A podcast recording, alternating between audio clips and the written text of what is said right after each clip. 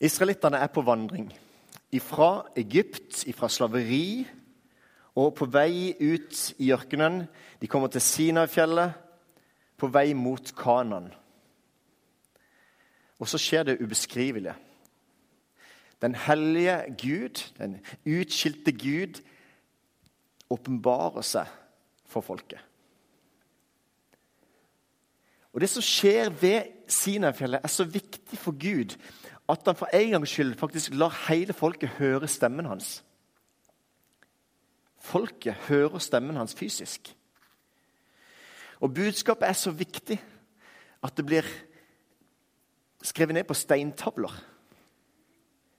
Rissa inn. Dette er budene. Og de ti bud kjenner vi.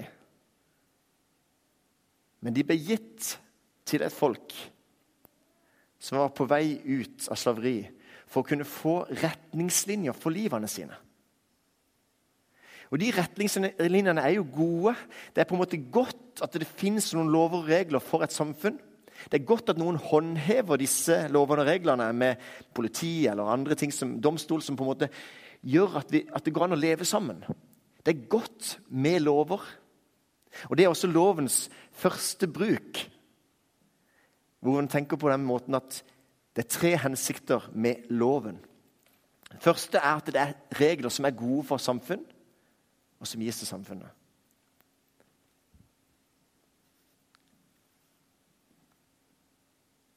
Hele jorda er hans, og alle folk ligger på hans hjerte. Men så vil han bruke ta utgangspunkt i én mann for å danne seg ett folk for gjennom det folket nå ut til hele verden. Israelsfolket blir utvalgt som Guds segulla-folk, Guds eiendomsfolk.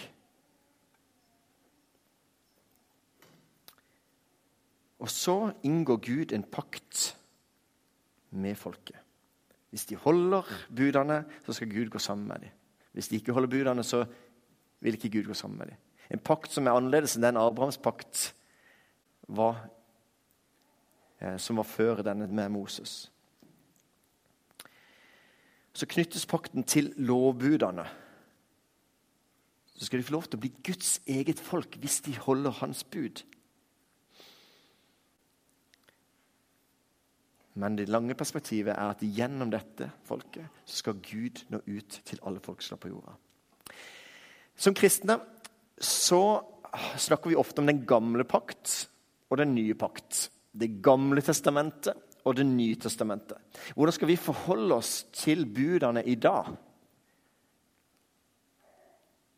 Hvordan skal vi forholde oss til dette, alle de lovbudene som er gitt i Det gamle testamentet? I Jeremia 31, 31 og så videre der, så leser vi at Gud vil opprette en ny pakt. Og dette er I Den gamle testamentet tid så står det at Gud vil opprette en ny pakt. Hvor det ikke på en måte er en pakt som er skrevet på steintavler, men det er en pakt som er skrevet på hjertene våre. Eller en lov som er skrevet i hjertene våre. Det er en helt ny tilværelse som skjer i det, med det at Jesus kommer. Samtidig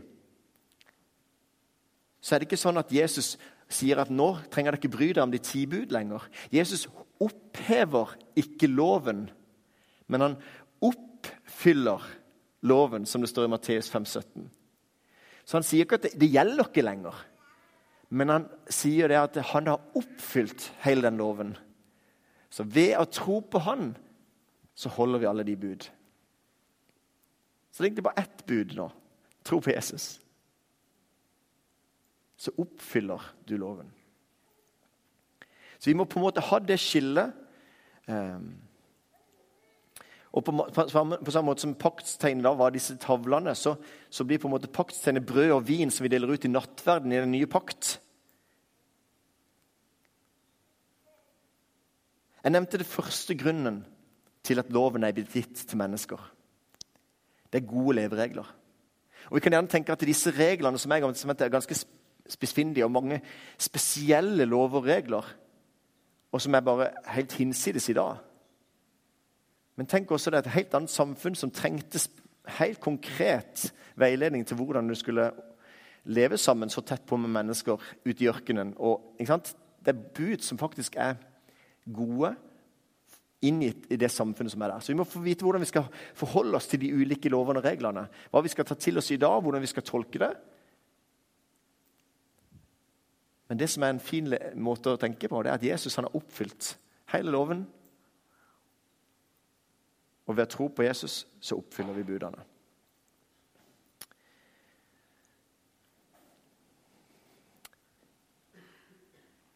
Det er ikke forskjell. Du skal ikke slå i hjel, du skal ikke stjele, du skal ikke lyve. Utrolig flotte kjøreregler inn i et samfunn. Og Gud vil faktisk at vi skal underordne oss de lover og regler som fins i samfunnet. Veldig tydelig på det. Når, de sette, når disiplene prøver å sette fast Jesus om, skal, om, de skal betale skatt til keiseren, så tar han fram en mynt og viser hvem er det bildet av. Hm. Keiseren, ja, Gi keiseren det som keiseren er, og det, Gud, det som er Guds, det som Guds er. Og Hvis vi vet at vi er skapt i, bild, i Guds bilde, så kan du se på deg sjøl. Så er det ikke keiserens stempel på deg sjøl, men det er Guds stempel. Så gir keiseren hva keiserens er, og Gud hva Guds er. Da kan jeg få lov til å gi mitt liv tilbake igjen, for jeg har Guds stempel på meg. En uendelig verdi. Men vi skal underordne oss samfunnet så fremt det ikke går imot Guds bud. Men det betyr ikke at det, det betyr at vi skal forholde oss til samfunnet. og Det er derfor også Luther snakker om toregimentslæren. Og skiller mellom det åndelige og det, det vanlige, altså samfunnslivet. Skiller mellom det åndelige. Vi skal ikke ha noe teokrati hvor det er på en måte at det, det hadde egentlig vært litt fint at prestene kunne på en måte bestemt hvordan det skulle leves i samfunnet. Men der vil vi ikke være.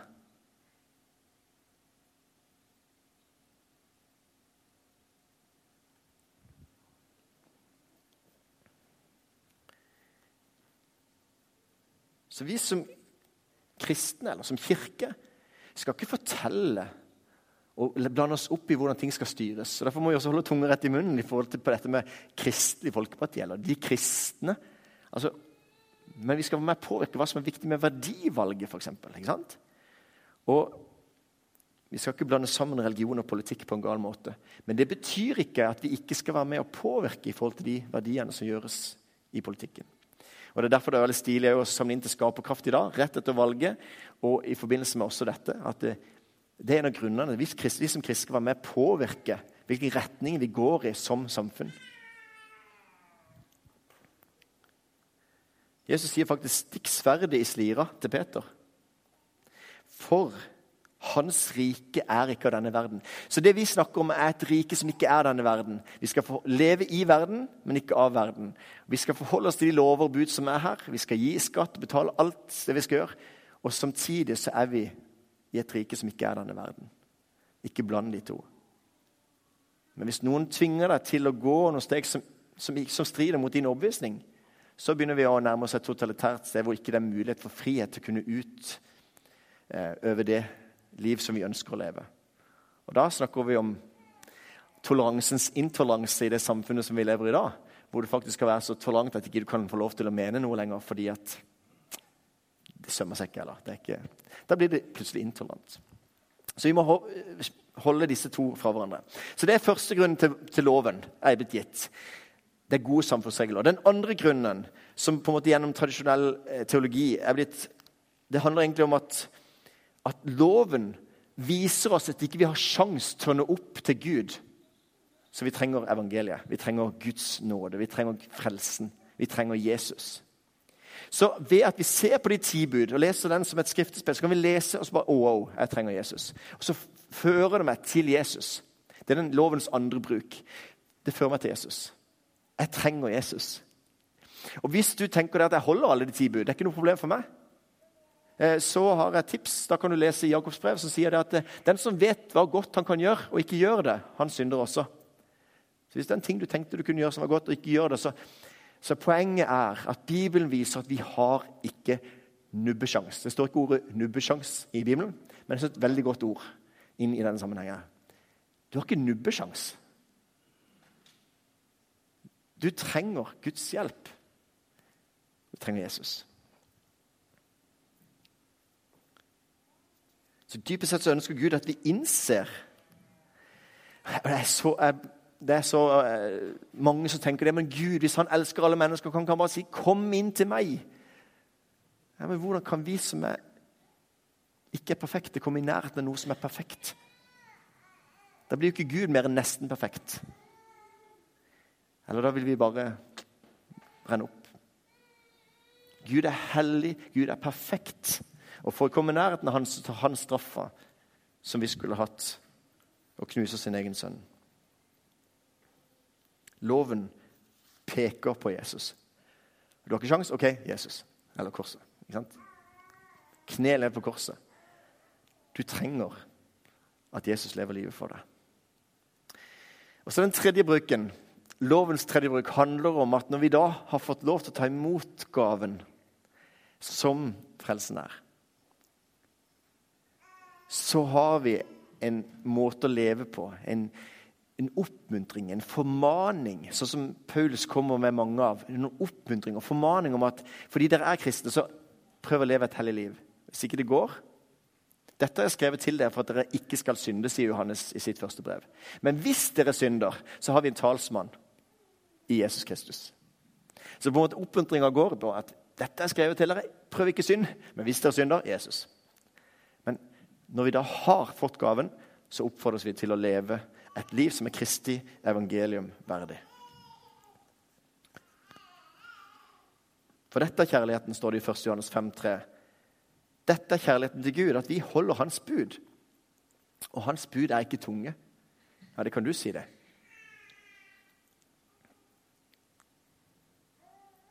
Men poenget her er at det er ikke en plikt. Det er ikke noe vi må. Men fordi jeg elsker Gud, fordi han har elska meg, så har jeg lyst til å holde hans bud. Og når det skjærer seg Jesus. Eller som det står i Titus 2,14.: Han som gav seg selv for oss for å løse oss ut fra all urettferdighet og rense for seg selv et eiendomsfolk som med iver gjør gode gjerninger. Og Der brukes det samme ordet som i Gammeltestamentet. Segulla-folk, eiendomsfolk. Det samme eiendomsfolket som man ønsker å lage ut av Israel for å formidle sin nåde. Det handler om at han nå lager et folk som viser hvem han er, som med iver gjør gode gjerninger.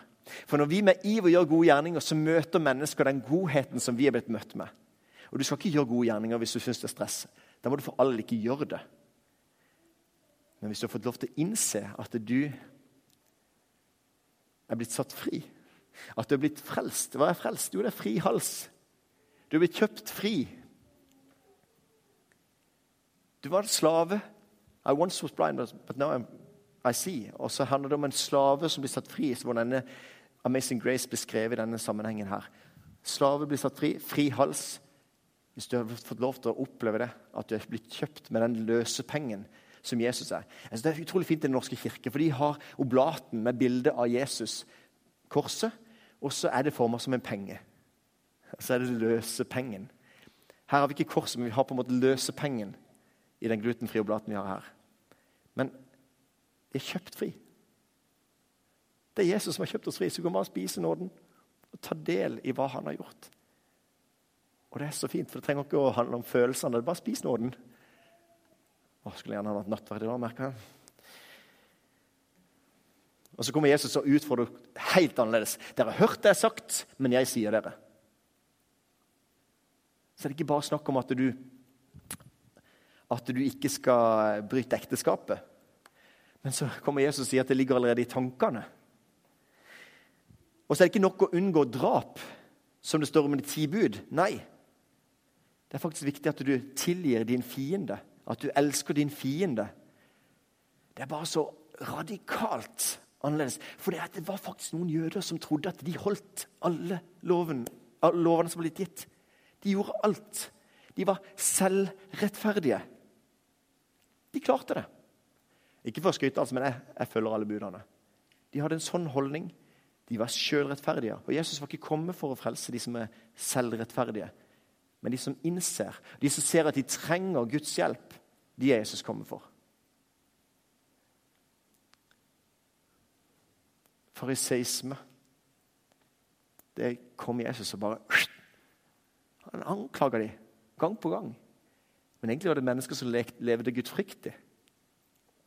Men det handler ikke om bud som skal oppfylles til punkt og prikke. Det handler om et liv, en relasjon til en person. Jesus Kristus. Det er det kristne livet. Det er det kristne livet. Og da, i alle disse budene, så kan en miste det. Og så kan vi bli loviske som kristne. Kjipt. For det er helt feil. Det er en relasjon til en person, Jesus Kristus. Det er det det kristne livet handler om.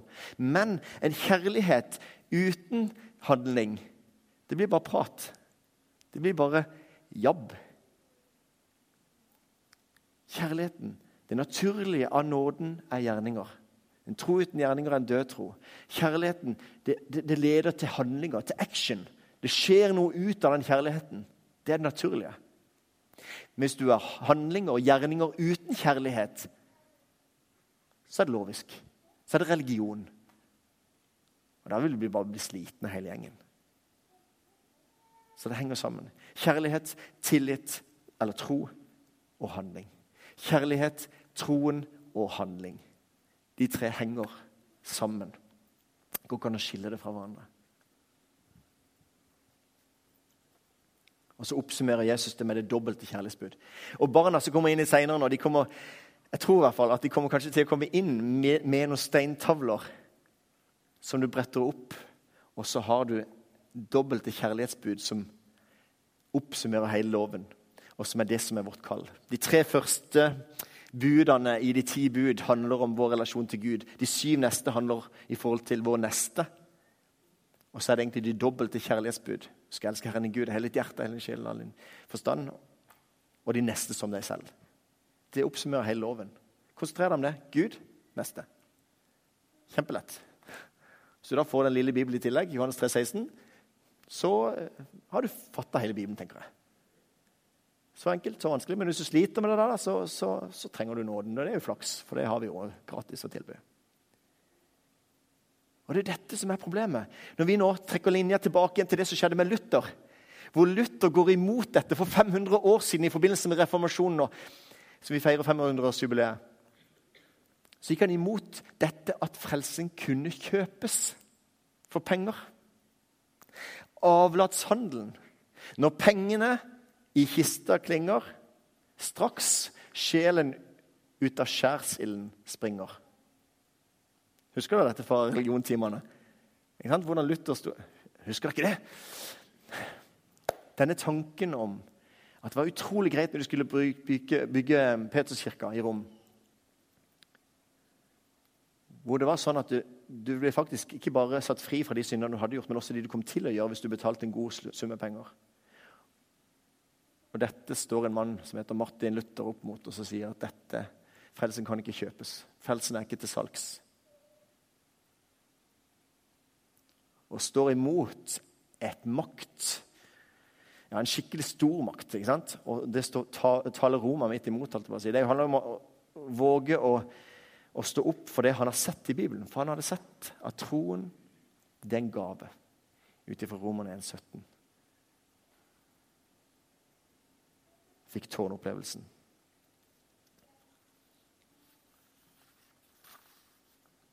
Så råda Luther oss, eller folket til ikke å kjøpe avlat, og fortalte sjøl om sin opplevelse. At det ikke går an å oppnå frelse ved hjelp av bot og ydmykelse. Han forsikra dem at det kun ved troen på Jesus Kristus og ved å se bort fra seg sjøl at en kunne fred, finne fred og glede. Frelsen er helt gratis. Dette er en temapreken som kommer til å gå litt gjennom høsten. Vi har valgt å ta den inn her nå, siden barnet hadde om de ti bud. Derfor tok vi temaet inn 'Frelsen er ikke til salgs' i dag. Men det er et tema som Den norske kirke kommer til å være utover i høsten også viktigheten av å stå imot at frelsen er gratis, eller viktigheten av å si at frelsen er gratis. Um, to eksempler til slutt. Simon, en trollmann. I Apostelens gjerninger 8 så kan du lese om Simon som, som ser at disiplene gjør noe helt vilt ved Den hellige ånd. Og Det han foreslår, da, er at jeg har lyst til å kjøpe dette av dere. Jeg har også lyst til å gjøre det samme som dere gjør ved Den hellige ånd. Og Det er ganske krast, det som kommer tilbake fra disiplene. At det kan ikke kjøpes for penger. Og Faktisk er det plager som skal komme på han hvis ikke han vender seg om.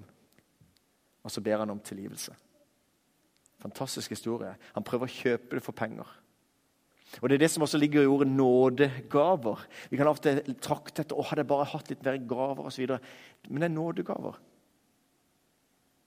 Gratisgaver som gis. Eller syrer Naaman, som, som, som helbreder, eller blir helbreda for sin hudsykdom. Og hvor profeten Elisha sier det at Nei, jeg skal ikke ha noe betaling. Han hadde med seg masse til å betale. Nei, ingen betaling. Når han blir frisk ved å dyppe seg i Jordan syv ganger. Men så er det tjeneren Gehazi, tjeneren til syreren Aman, som tenker at det er litt for galt.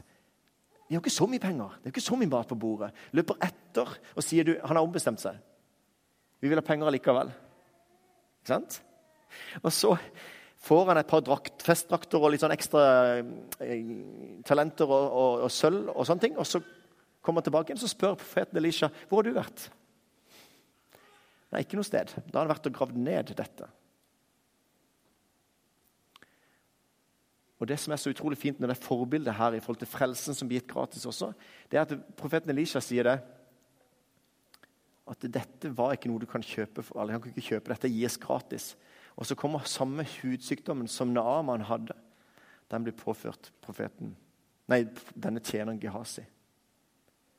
For han gikk imot det Guds mann da hadde sagt. Og fordi han lot være å bekjenne den synden.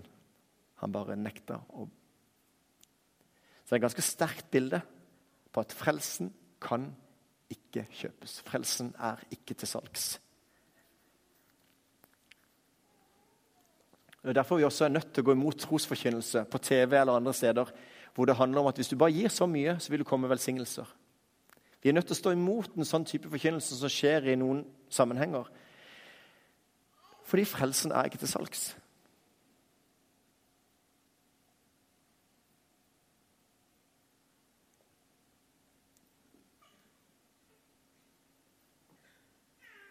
Koblinger mellom Guds gaver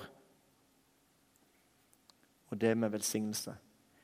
For Kanskje vi ofte tenker om materiell velsignelse. Det er egentlig Gud snakker om en åndelig velsignelse. En åndelig velsignelse som ikke handler om at vi får mye tilbake, men det handler om at vi får mye tilbake på en helt annen måte. Den ene grøfta. Den andre grøfta er at vi skal gjøre evangeliet mer spiselig, sånn at det er flere som vil ta imot. Sånn at vi på en måte mister brodden på det. Og da på en måte er det snakk om at, sånn som Bonhoffer, som snakker om en billig nåde. Som måtte bare, bare selger nåden veldig billig. Den som Jesus faktisk gikk i døden for, og Gud, Gud sjøl lider for. Nåden selges ikke billig. Det er ikke noe til billig salg. Det er dyrekjøpt. Vi er dyrt kjøpt. La da legemet være til Guds ære.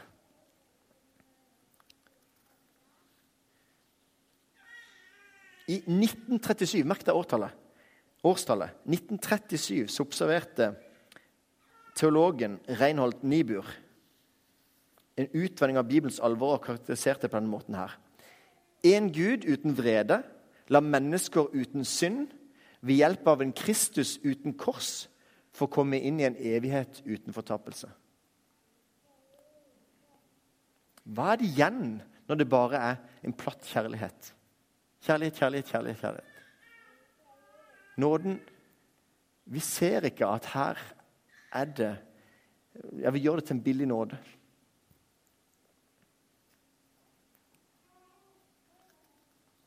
Jesaja 55, 55,1. Kom, alle tørste. Kom til vannet. Dere uten penger. Kom og kjøp korn og spis. Kom, kjøp korn uten penger, vin og melk uten betaling. Nåde. Du som tørster, kom. Kom, for alt er ferdig, sier vi hver gang vi er invitert til nattverd. Alt er blitt gjort ferdig.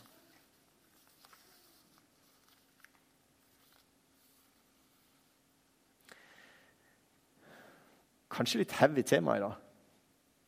De ti bud. Litt sånn gammeldags lov og evangelium, synd og nåde. Trenger vi det lenger i kirka? Skal vi komme litt lenger?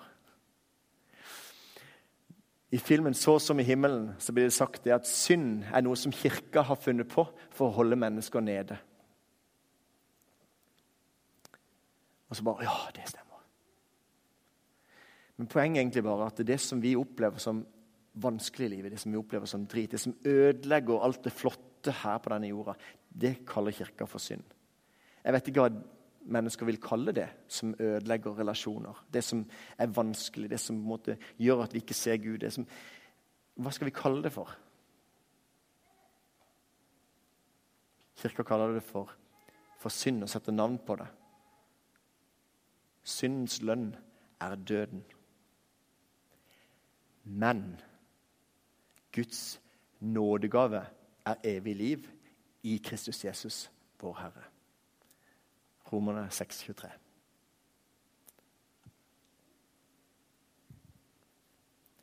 Vi skal synge litt seinere en sang som heter 'Du som freden meg forkynner'.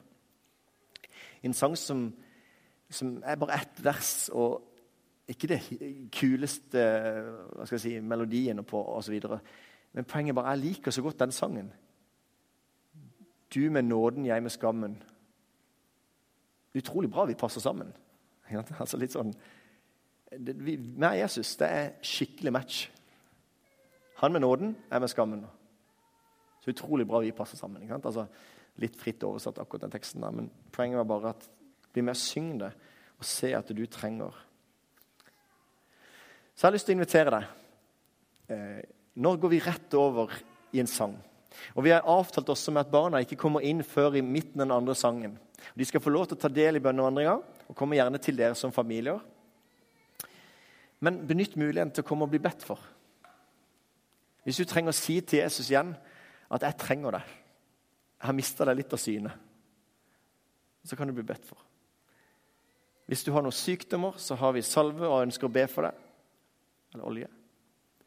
Og hvis du ønsker bare å bli velsigna til å leve et liv sammen med Jesus, eller ønsker å be for situasjonen deres, familien din Hvis du ønsker å bare kjenne at du trenger å ta et nytt skritt med Jesus i dag, så kan du bli bedt for her, eller du kan knele ned ved korset og bare si 'Takk, Jesus'. Så kan du reise deg igjen, og så kan du gå.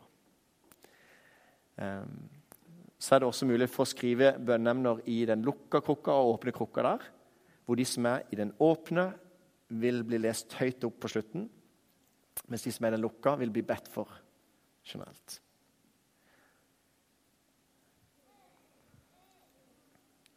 Benytt muligheten for og tatt skritt sammen med Jesus. Vi ber sammen. Tusen takk, Jesus,